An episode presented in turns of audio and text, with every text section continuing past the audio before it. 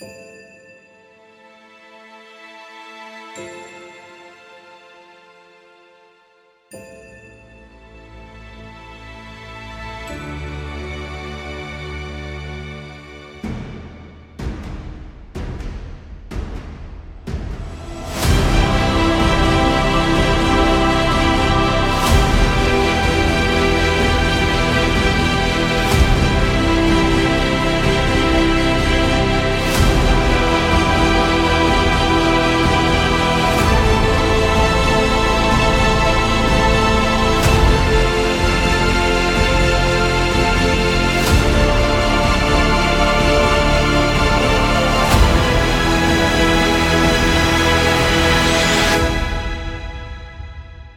tindre redempció un orc o només volen poder viure en pau sense que els molesten i estan lluitant pel seu dret a viure?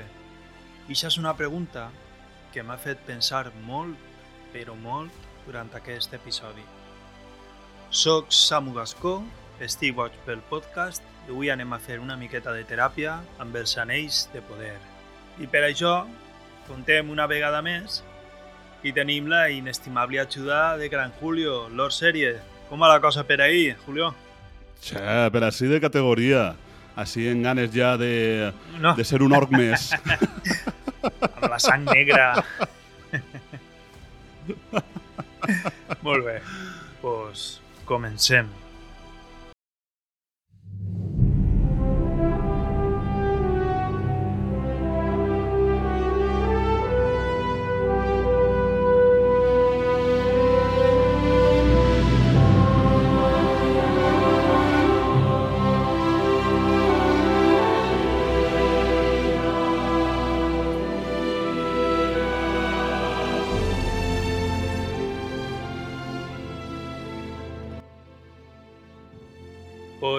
Anem a començar per el Previously, on ens recorden que van 500 Númenóreans i estan afanyant-se per ajudar els homes del sud i a Halbrand, Sauron, el seu rei, i també com n'hi ha molts homes que han anat a servir a Adar. Tot això ens ho recorden. Que l'espasa és una clau i que Galadriel diu que no pot parar en, en eixa cosa que està fent ella de voler parar a Sauron i voler parar el mal.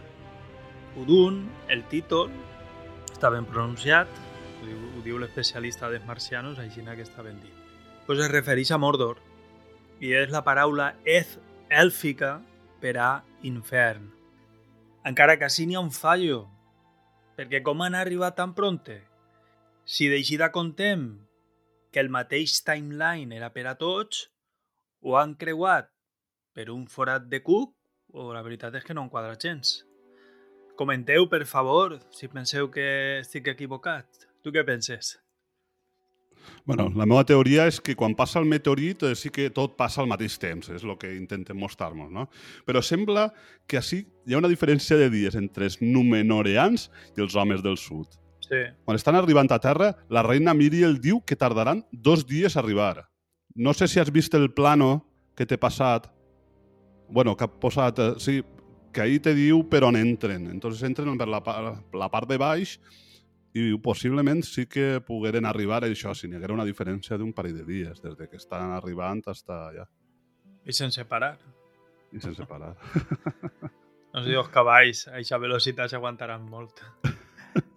A més, com saben que estan atacant la vila? Com saben que estan atacant la vila i que tenen que afanyar-se? Això sí que és un misteri. Igual li ho ha dit Galadriel que té superpoders. la veritat que els has de fer en esta sèrie, la veritat que són prou habituals, eh? O igual han utilitzat Palantir. Els han utilitzat a lo que són, per veure què està passant en altres puestos. I han vist que estaven atacant-los o que estaven en perill. O ho posaven el pergamí que va trobar el Galadriel. Vegem el principi i és que Adar així està fent un discurs molt emotiu sobre com van aconseguir una llar per a viure i que són com germans i ojo. Diu, i germanes. Es nota que els estima, però així volen destacar això, que diu germanes, és a dir, se menciona a les orques. Això és una cosa que no és habitual. Peter Jackson va dir que no les van veure en les seues pel·lícules perquè els orcs pues, es reprodueixen com els conills. Aleshores, les orques pues, sempre han d'estar prenyades per que pugui haver tants orcs. A més, la manera que parla Isaac Germanor són els roïns, no en teoria. bueno, no en teoria no, sabem que són roïns, però és molt confús. Sauron i Saruman els tractaven com a esclaus. I un detallet és que Adar encara porta la seva armadura èlfica, imaginem que se l'haurà llevat alguna vegada, que si no això té que fer una pudor de por, i és molt pareguda a la de Gil-galad, i té un riu dibuixat que també és molt paregut. Com això té milers d'anys, perquè després veurem que ell va ser un dels primers orcs, Generation 1, pues, pues té que ser un bon metall i durader, i no és mithril. Al discurs, Adar diu que han resistit des de Eret, Mithrin, que són les muntanyes grises que estan al nord del bosc negre en Robanion, fins Eiffel Arnen, que són les muntanyes de les ombres, que estan en la frontera occidental i meridional de Mordor, és a dir, de nord a sud de la Terra Mitjana. També escoltem que els os criden Numpot, Numpot, Numpot, Numpot. Numpot Shaka.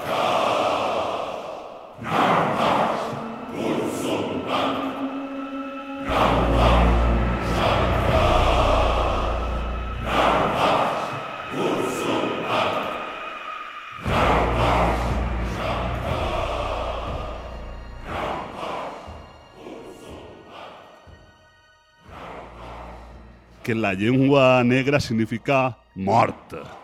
Bueno, a la guerra i estan calfant-se. Sí. A, me- a, me, a més, en aquesta primera imatge, just, justet abans de parlar, pues, si ens fixem, el mateix Adar planta unes llavoretes d'alfirín, que és el costum èlfic, com després explicarà Arondir.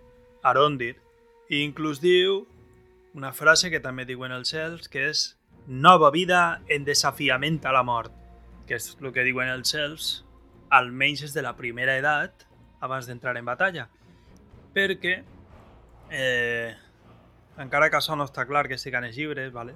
això no ho he trobat per ningú puesto, però ja mos donen a entendre, per lo, i a més lo que va dir Adar fa un parell d'episodis, parlant amb Arondir, que són del mateix puesto, de la mateixa zona, d'aquest continent que no me'n recorde ara i que se va fonar. I si al final de l'anterior episodi ens va aparèixer que anava a ser una altra batalla com la de l'avís de Helm, doncs en aquest veiem que han volgut fer tot el contrari. I en lloc de tancar-se dins de la talalla, el que han fet ha sigut deixar-la tota buida, menys Arondir, i això és el que estàvem pensant quan es quedaren, te'n recordes en l'episodi passat, que diuen la de Tower, la, la torre, i se queden els dos mirant-la, però no mos diuen res. Pues això és el que estàvem pensant. Perquè es tanquen dins, fan caure la torre sobre els orcs que han entrat, suposem que han matat a molts, encara que l'exèrcit orc després veurem no? que és molt més gran del que ens havien ensenyat. Sí. I cal dir també que quan entren, Adar es queda mirant la figura de l'espasa en la pedra. Després els homes se'n van al poble per a preparar-se la defensa.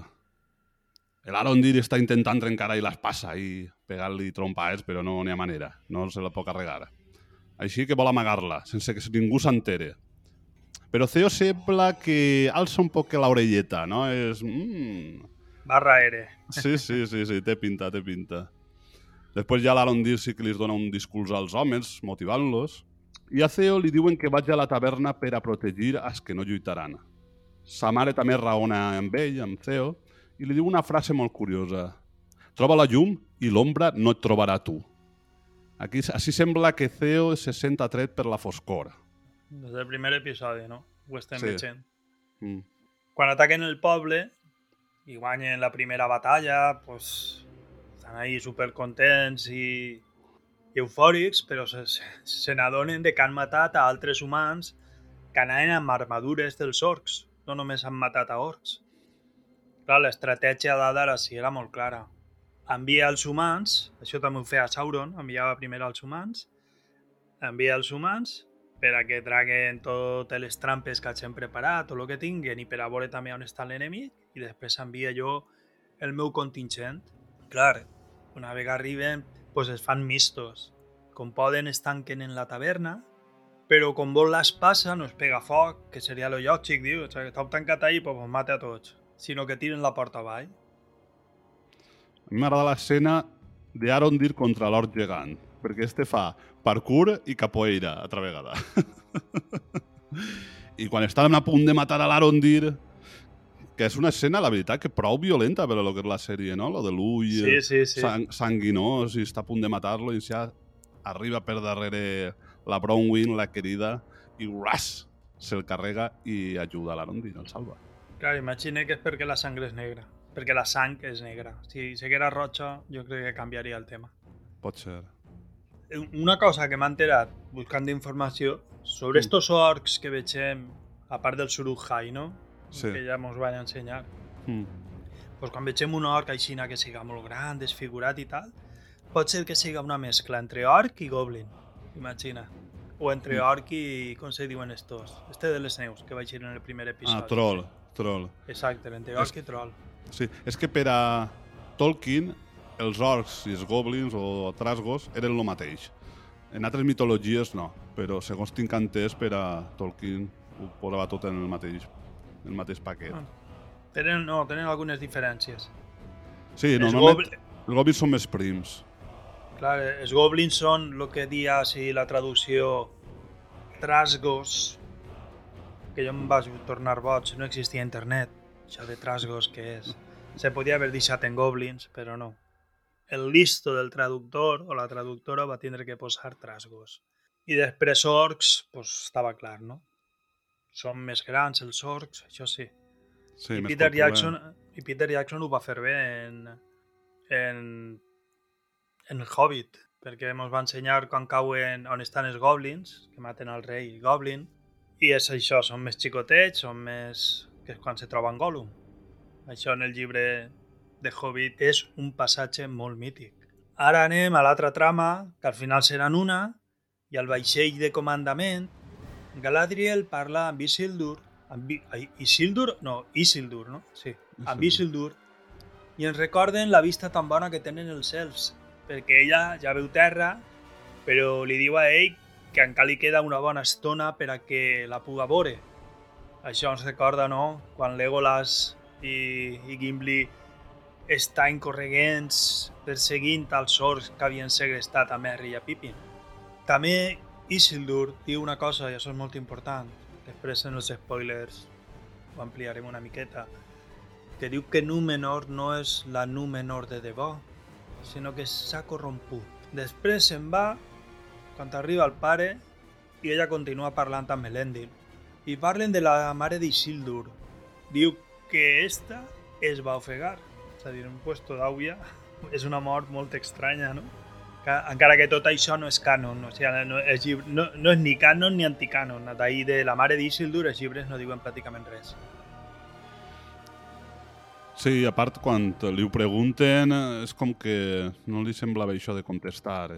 Se'n va i quan anant-se'n és quan li contesta així de un poc de costat, no? Mm, que tornen a mencionar a sa mare, pues, molts estan teoritzant sobre serà la seva veu la que ell sent que li crida des de Númenor quan estan els vaixells? I tenim el primer bes, així, entre Bronwyn i Arondir. Que bonico, no? Torna, tornem al romanticisme i Arondir li declara el seu amor, un amor vamos, con només una persona de mil i pico anys o dos mil i pico anys podria tindre contra una de 30, 40, li diu que serà un pare per a Cio. Un Cio que ja no el mira tan malament com el mirava al principi. Però és el que jo dic, encara no li hem vist les orelles a Cio, per això ho he el primer bes? És el primer bes? O tingueren un moment de passió fa molt de temps i encarregaren a Cio. Ah? Bueno, després el que vegem és que comencen a ploure, a ploure fletxes del cel, no? Els arquers orcs entren al poble. I a Bronwyn li travessa una d'aquestes fletxes i és que queden vius, perquè la veritat que maten un fum, es refugien a la taverna. Després l'Arondir cura Bronwyn amb llavors d'alfirín y un palo en brases. Eso ya lo hice yo en Rambo 3. Aquí solamente están copiándome. Dios mío, que no me siento ni las piernas. Bé, després arriba l'Adar amb molts orcs, entren a la taverna i amenacen en matar a Theo i a Bronwyn si no es donen l'espasa o la punyadura. Theo es posa nerviós i revela on està l'espasa. Diu que està sota una pedra perquè vol salvar a sa mare. Després agarren l'empunyadura esta i es veu com Adar li diu a Waldrek que van encomanar-li una feina. Què serà? Ah. Després, quan jo pareixia tot perdut, arriben els Numenoreans i lluiten contra els orcs. Així hi ha diverses escenes gracioses. Una és, primer, Galadriel va a cavall i escriva fletxes posant-se de costat. Després també veiem que Halbrand salva a Elendil i de repent vegem que l'Adar se'n va corregant en un cavall, no? fugint. Entonces Galadriel es perseguís a Adar i Halbrand, que ho veu a aquesta escena, se'n va darrere.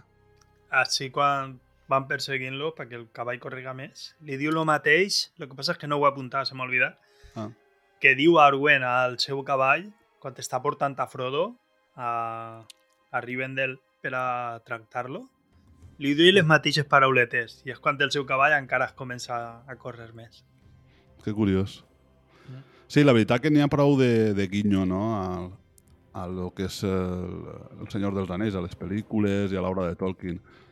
Bueno, després Galadriel, que se'n va a per Adar i le llancen una llança i torna a esquivar la llança. Esta té uns reflexos d'elfa de 2.000 anys. I del circo. Damunt es posa de costat ahí. Uh. Bueno. Després, Halbrand fa un avançament ahí, un spoiler,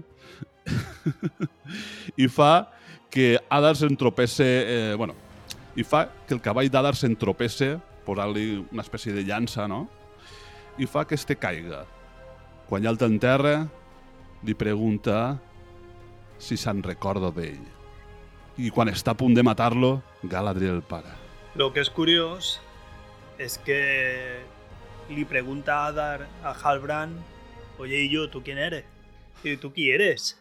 No te conec. I salvo que Halbrand fora un xiquet, vale? anem a dir que no és Sauron, anem a dir que era un xiquet, no podrien recordar-se, perquè evidentment Halbrand serà un xaval de 30 i pocs anys, el que ha fet este ho ha fet no fa molts anys, en el que és la seva vida.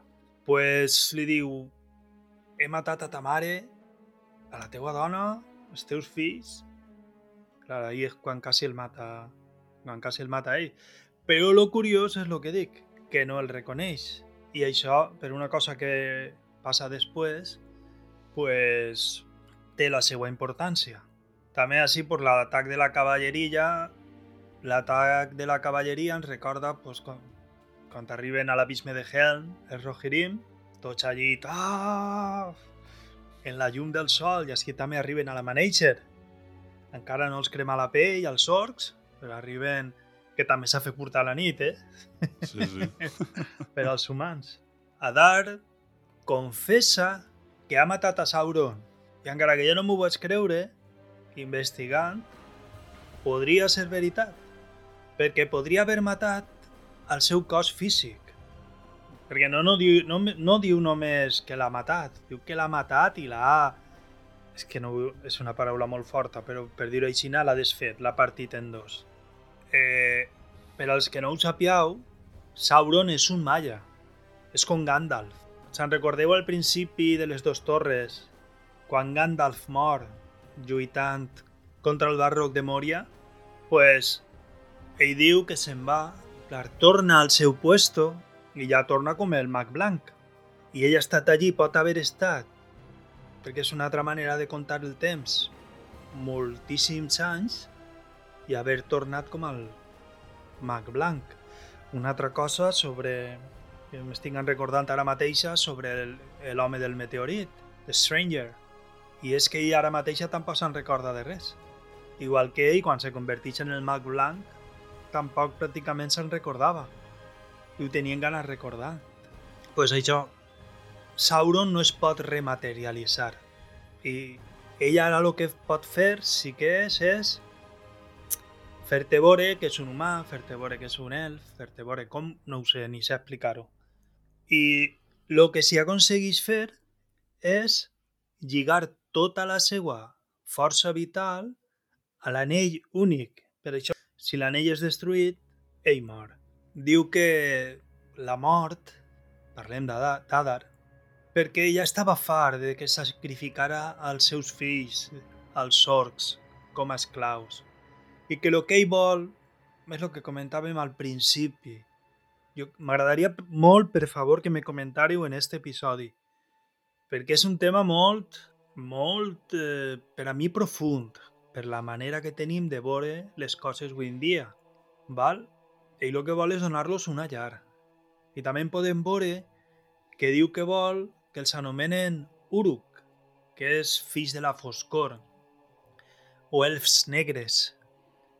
Diu que això és el nom de la seva raça i que orcs és un mal nom que els han posat, que tenen el mateix fare, que és el que va crear els elfs, perquè Morgoth, i això és una cosa que Tolkien va anar explicant durant els anys, Morgoth no podia crear, el que podia era pervertir les coses ja creades i que tenen dret a una terra i a una llar.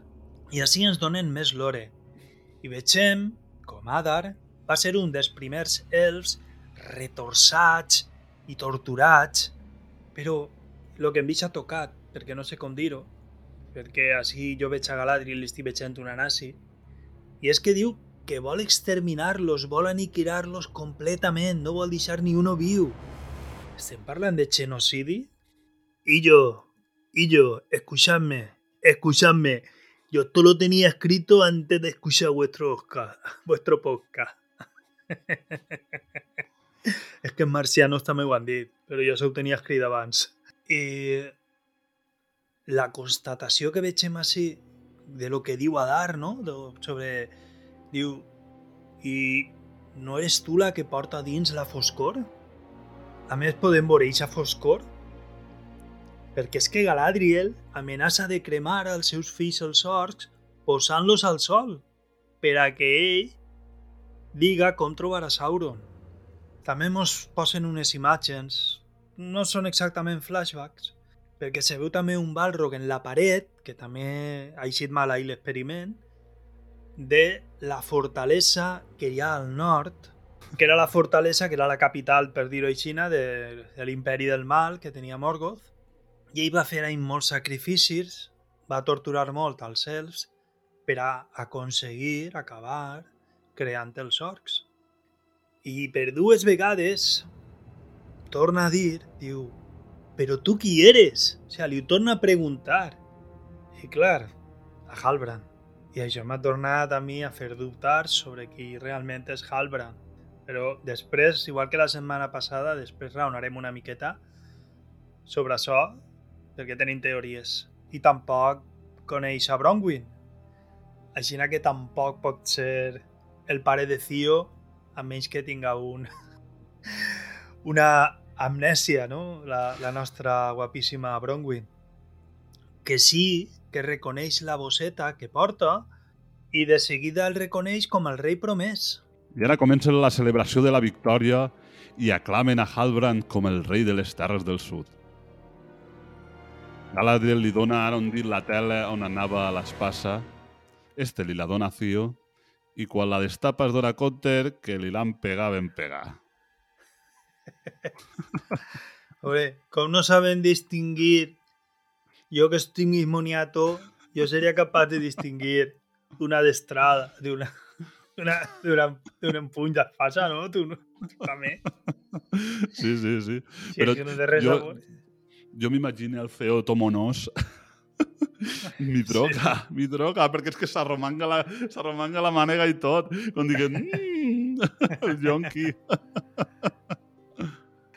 Sí, això que, sobre això que estàs dient, és que Cio diu que se sent buit sense ella. O sigui, crea una forta addicció, però quan la tenia se sentia poderós. És a dir, és com l'anell únic que et feia sentir. Quan te'l posaves et senties poderós i quan te'l llevaves tenies el mono de posar-te-lo. I ara també una escena molt bonica. Pare i fill, està Isildur parlant amb son pare i parlen sobre sa mare i com esta li va ensenyar que quan un cavall està inquiet, no està inquiet per ell, sinó pel seu xenet, que quan té un xenet, un cavall, creen un víncul en el que coneixen l'un de l'altre hasta els sentiments més profuns. I clar, jo dic, com els dracs de, de Xoc de Trons o de la cançó de Xel i Foc, perquè és així, no? La relació que té el, el, sí. xenet, el xenet de drac o de dragó. En valencià se diu dragó. Tota la vida hem dit, hem dit dragó. Sí, sí, és... És correcte? És correcte? Sí, sí, per, per, això, per això ho estic dient. Ja. Mireu en el diccionari, però com és, com és aixina. Però clar, mos acostumarem a dir drac perquè pensàvem que era lo correcte, jo sóc el primer, però jo no fa pràcticament, pot ser a lo millor un mes o un mes, o no fa més, eh? Vaig descobrir que dragó és correcte. Així que podem continuar dient dragó. I no només és el geco. la bola del dragó. La bola del dragó. Clar, per la bola del dragó ens acostumarem a dir drac. Així que valencians i valencianes, podeu dir dragó, com ho dit tota la vida, que no està mal dit. I ara també tenim una esceneta, fishing, se diu, gent jove, amb Galadriel i Halbrand. Perquè pareix que tinguen un moment íntim, no? Quan Galadriel li, li dona les gràcies a Halbrand, perquè Galadriel quasi mata a Adar. Però Halbrand l'atura, i així que li dona les gràcies. Però ara, fixem-nos en el que diu Halbrand. Diu que fins este dia no pensava que podia llevar-se ixe sentiment de dins. Però ara afegís, lluitar al costat teu, eh, al costat d'ella, li ha fet sentir una cosa que si poguera aferrar-se a eixe sentiment, lligar-lo al més profund del seu ésser, llavors, i ara quan ella diu que ha sentit el mateix, els interrompixen. I jo dic, pobre Celeborn, no? Primer amb... Primer en, en Halbrand i després en, en Mithrandir. Gandalf. Encara que al final del programa sobre este tema anem a parlar una miqueta més, ja en la zona spoiler. Després veiem a Waldre com clava l'espassa en un forà de la torre, que activa un mecanisme per alliurar l'aigua de la pressa, passant pels túnels creats pels horts fins al volcà, que s'activa i es transforma en el que serà el món del destí.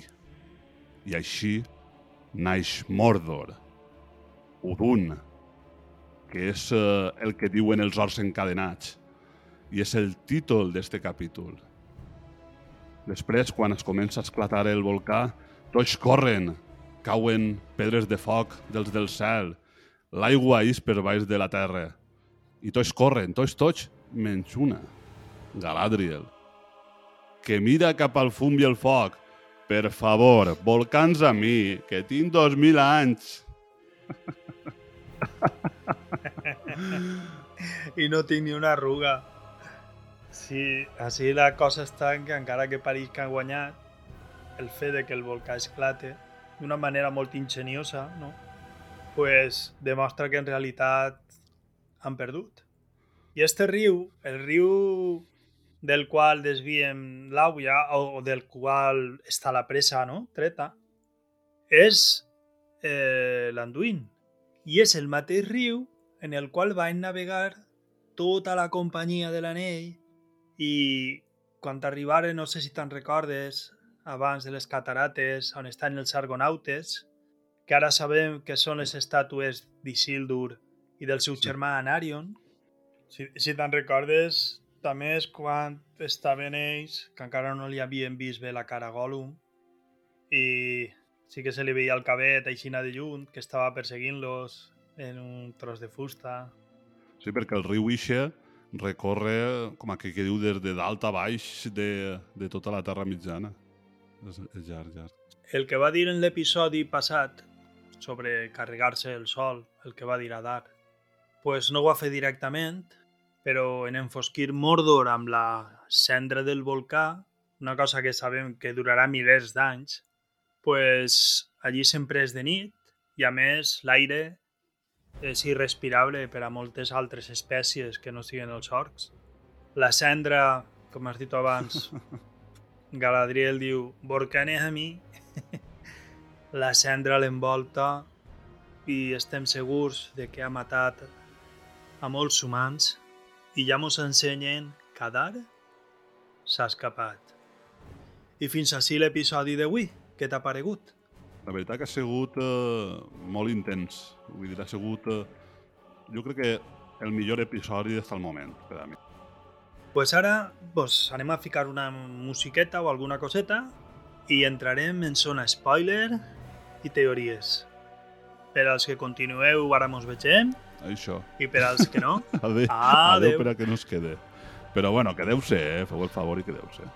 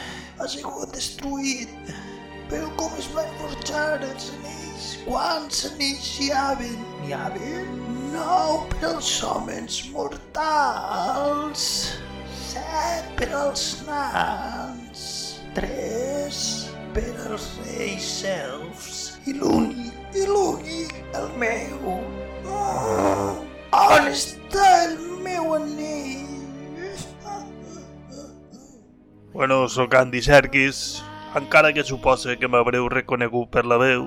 Només dir-vos que anem a analitzar Els Anells de Poder, la sèrie que podreu veure a Amazon Prime. Intentarem donar la nostra... Bueno, no, bueno, no sóc Andy Serkis, sóc Samu, què passa? No sé imitar, sóc molt roïn. Això, dir-vos que pronte anem a analitzar la sèrie d'Amazon, Els Anells de Poder, i que esperem que estigueu ahí. Com sempre ho farem en valencià. Segurament m'acompanyarà Lord Series, nostre amic Julio, i li traurem el suc a cada episodi. El primer llibre que jo em vaig llegir va ser El Hobbit i ja des d'ahir no vaig parar. Així que vos anirem avisant. Adeu! Jo vull el meu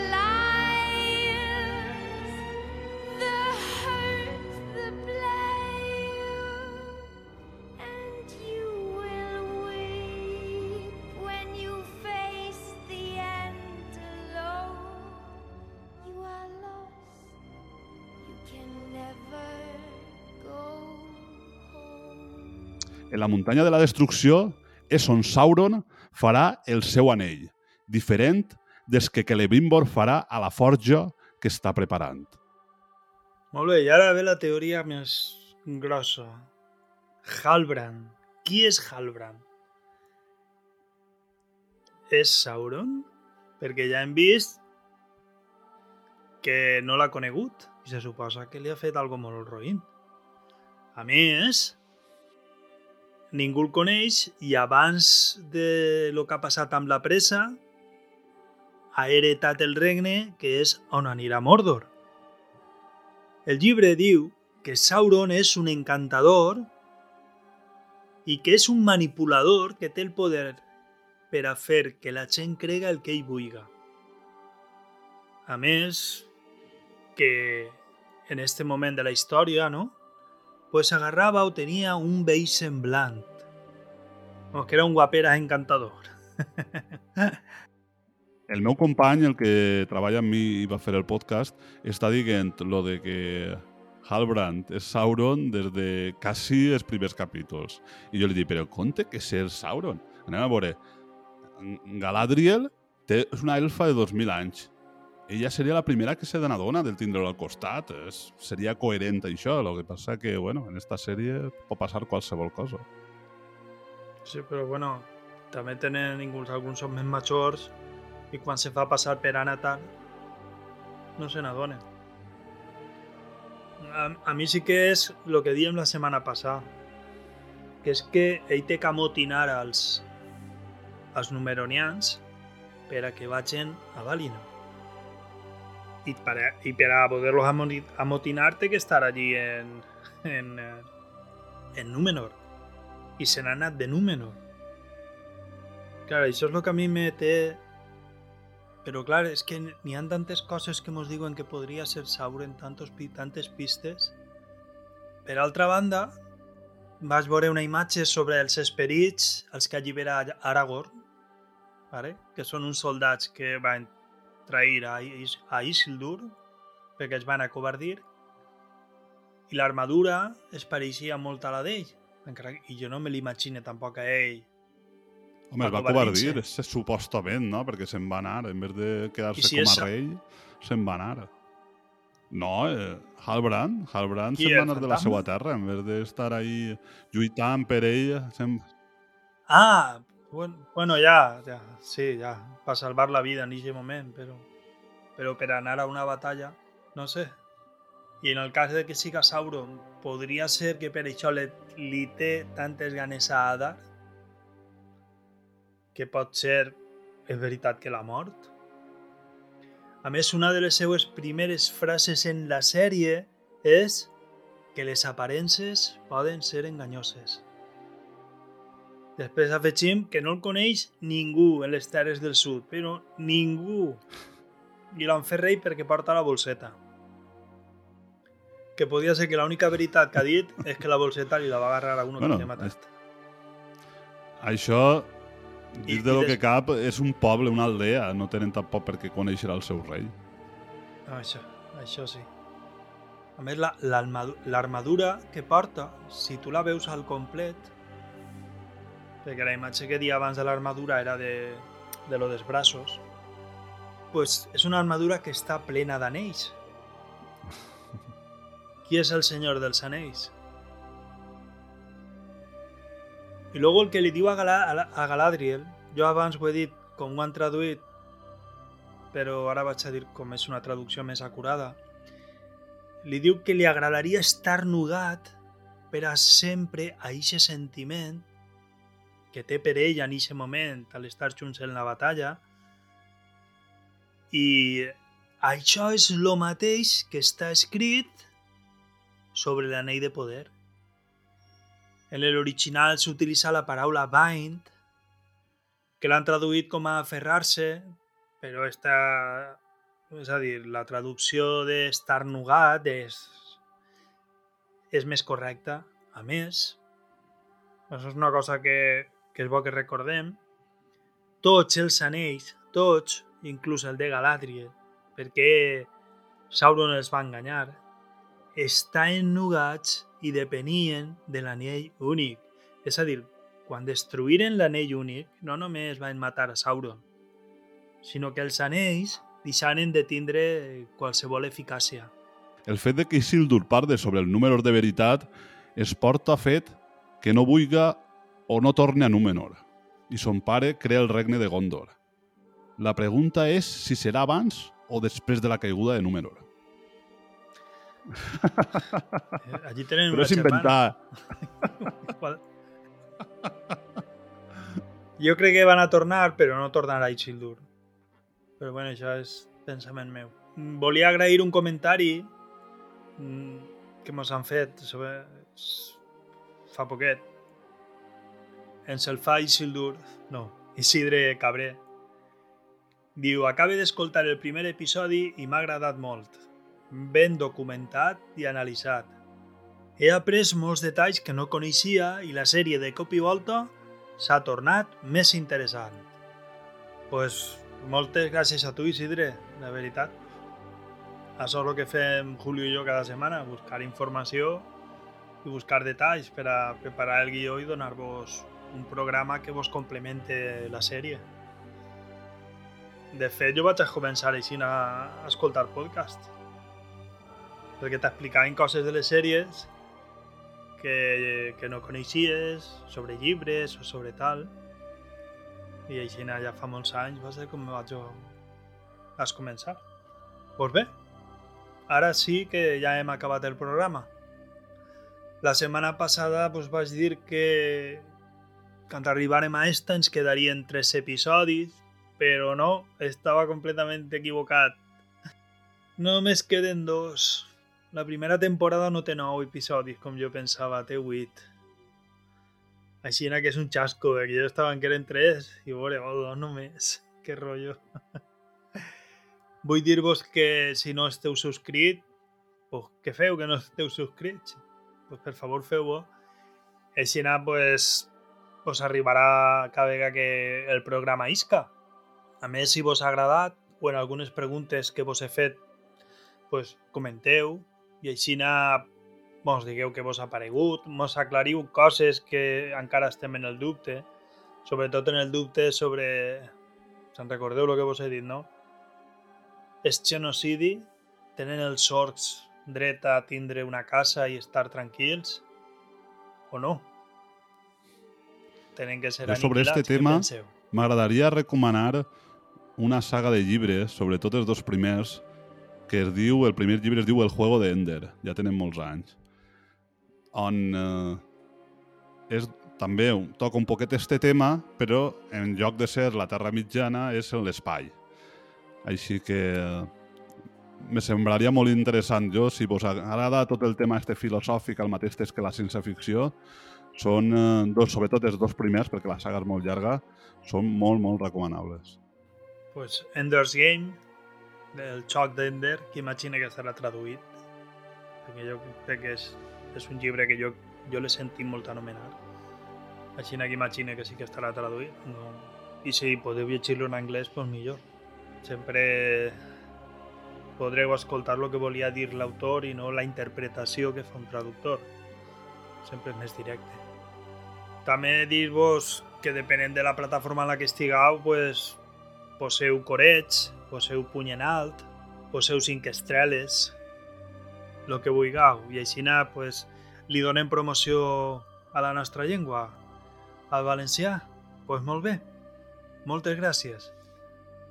Julio, per haver-me acompanyat un altre programa. Moltes gràcies a tu, Samu, perquè és la veritat que és un plaer cada vegada així acompanyar-te en este análisis. Moltes gràcies per les paraules tan boniques. Lo dit, soc Samu Gascó. I jo, Julio Lord Series. Estic boig pel podcast i avui hem fet una miqueta de teràpia amb els anells de poder. Adeu! Adeu! Woke up at night I heard floating chords.